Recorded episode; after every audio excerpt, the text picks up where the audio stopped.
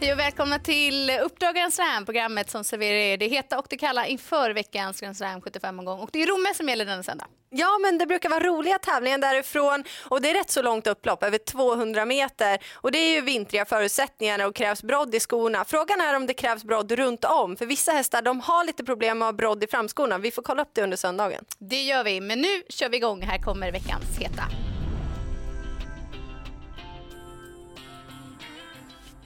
Och vi börjar i den första avdelningen med nummer 9, Juan Perdy som fick sig en fin genomkörare senast på V75. Nu har han ett del loppet i kroppen, det är tätare starter och jag tror att Erik Adelsson från bakspår låter honom trava in sig. Men när han väl vrider på och sätter in attacken då är han rejält stark i avslutningen och jag tror att de andra får svårt att freda sig för Juan Perdy.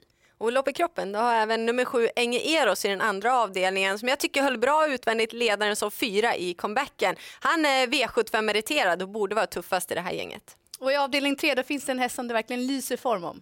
Ja, det är ju nummer tre, Gulrubin, som har sån fin form att han blir för laddad från start, därav galopperna. Men han har gjort eh, bra upphämtningar efter startgalopp. Den här gången så tror jag att han går felfritt, för Jörgen Westholm han ändrar på huvudlaget, sätter på ett norskt huvudlag istället och för att just eh, Gulrubin ska vara lugn i startmomentet. Men jag tror ändå att han är så kvick ut så han kan ta ledningen och då blir han svårstoppad. Och vad säger du om fjärde avdelningen på Grand Slam? Väldigt eh, svårt lopp. Eh, orutinerade kuskar de får max ha kört 100 lopp under fjolåret. Och så är det dessutom lång distans. Och är det inte så att kuskens betydelse är större i långlopp än i kortlopp? Jo, det tycker jag det är så. Jag tycker, ja, det, det, krävs mer av en kusk, eh, taktiska och så vidare. Så kortlopp kan ju vara, vi gasar på och bästa hästen vinner. Men eh, långlopp eh, tycker jag att det krävs mycket mer av en, av, av en kusk. Det är klart att eh, över längre lopp så är det ju, eh, du har längre tid på dig att göra flera misstag om man säger så. Då.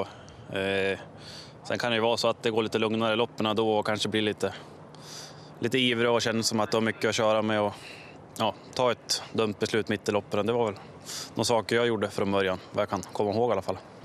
Bäst om kuskarna har mycket rutin och Sen beror det på också hästarna hur man vill köra dem och hur de ska köras. Eh, eh, men eh, i längre om man har en häst som lever på sin styrka så måste man ju köra annorlunda än en häst som går på speed. Så.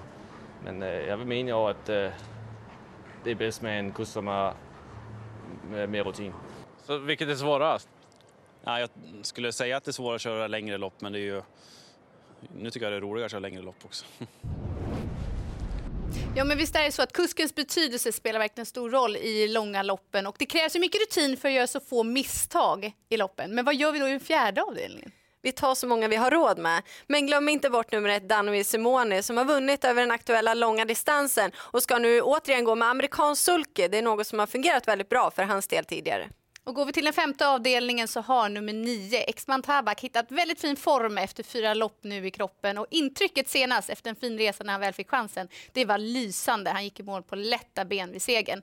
Synd med bakspåret den här gången, men blir det bra tempo där framme då kan han absolut räcka hela vägen. Och I den sjätte avdelningen har jag verkligen fastnat för nummer åtta Hector Bocco som är nedstruken ett tack, Det är viktigt för han är startsnabb. Och har han en bra dag, ja då kan han springa riktigt fort på den korta distansen som han gillar. Och för första gången ska han köras av Carl Johan Jeppsson. Jag tror att det kommer passa perfekt. Och i avslutningen så tror jag mycket på nummer 9, Titan Sweet Lindy som gjorde debut för Marcus B Svedberg senast. Hästen kördes till ledningen, fick lite press i omgångar men intrycket över mål med ryckhuvan kvar, det var riktigt bra. Den här hästen har för lite pengar på sig och Marcus B Svedberg, han har ju rivstartat året. Fina 36 i segerprocent som kusk. Och eh, som tränare, då vinner han vart fjärde lopp.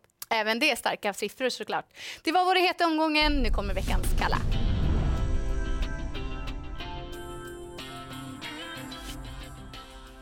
Vi börjar i den tredje avdelningen med nummer två, Emil Mollin, som är kapabel för klassen men kommer från en sämre insats så han inte fick travet att fungera. Han har dessutom hetsiga tendenser i volten och när han hade spår två på Romme senast, ja då kastade han sig hejdlöst i galopp. Han har inte heller vunnit på svensk mark trots 15 försök. I den sjätte avdelningen hittar vi nummer fem Opalis som inte har fått till det på slutet. Hon har inte varit som bäst. Dessutom så är hon tränarkörd den här gången, vilket är ett minus. Och går vi till avslutningen så får vi se V75-vinnaren Papajonis Ilse tillbaka på banan.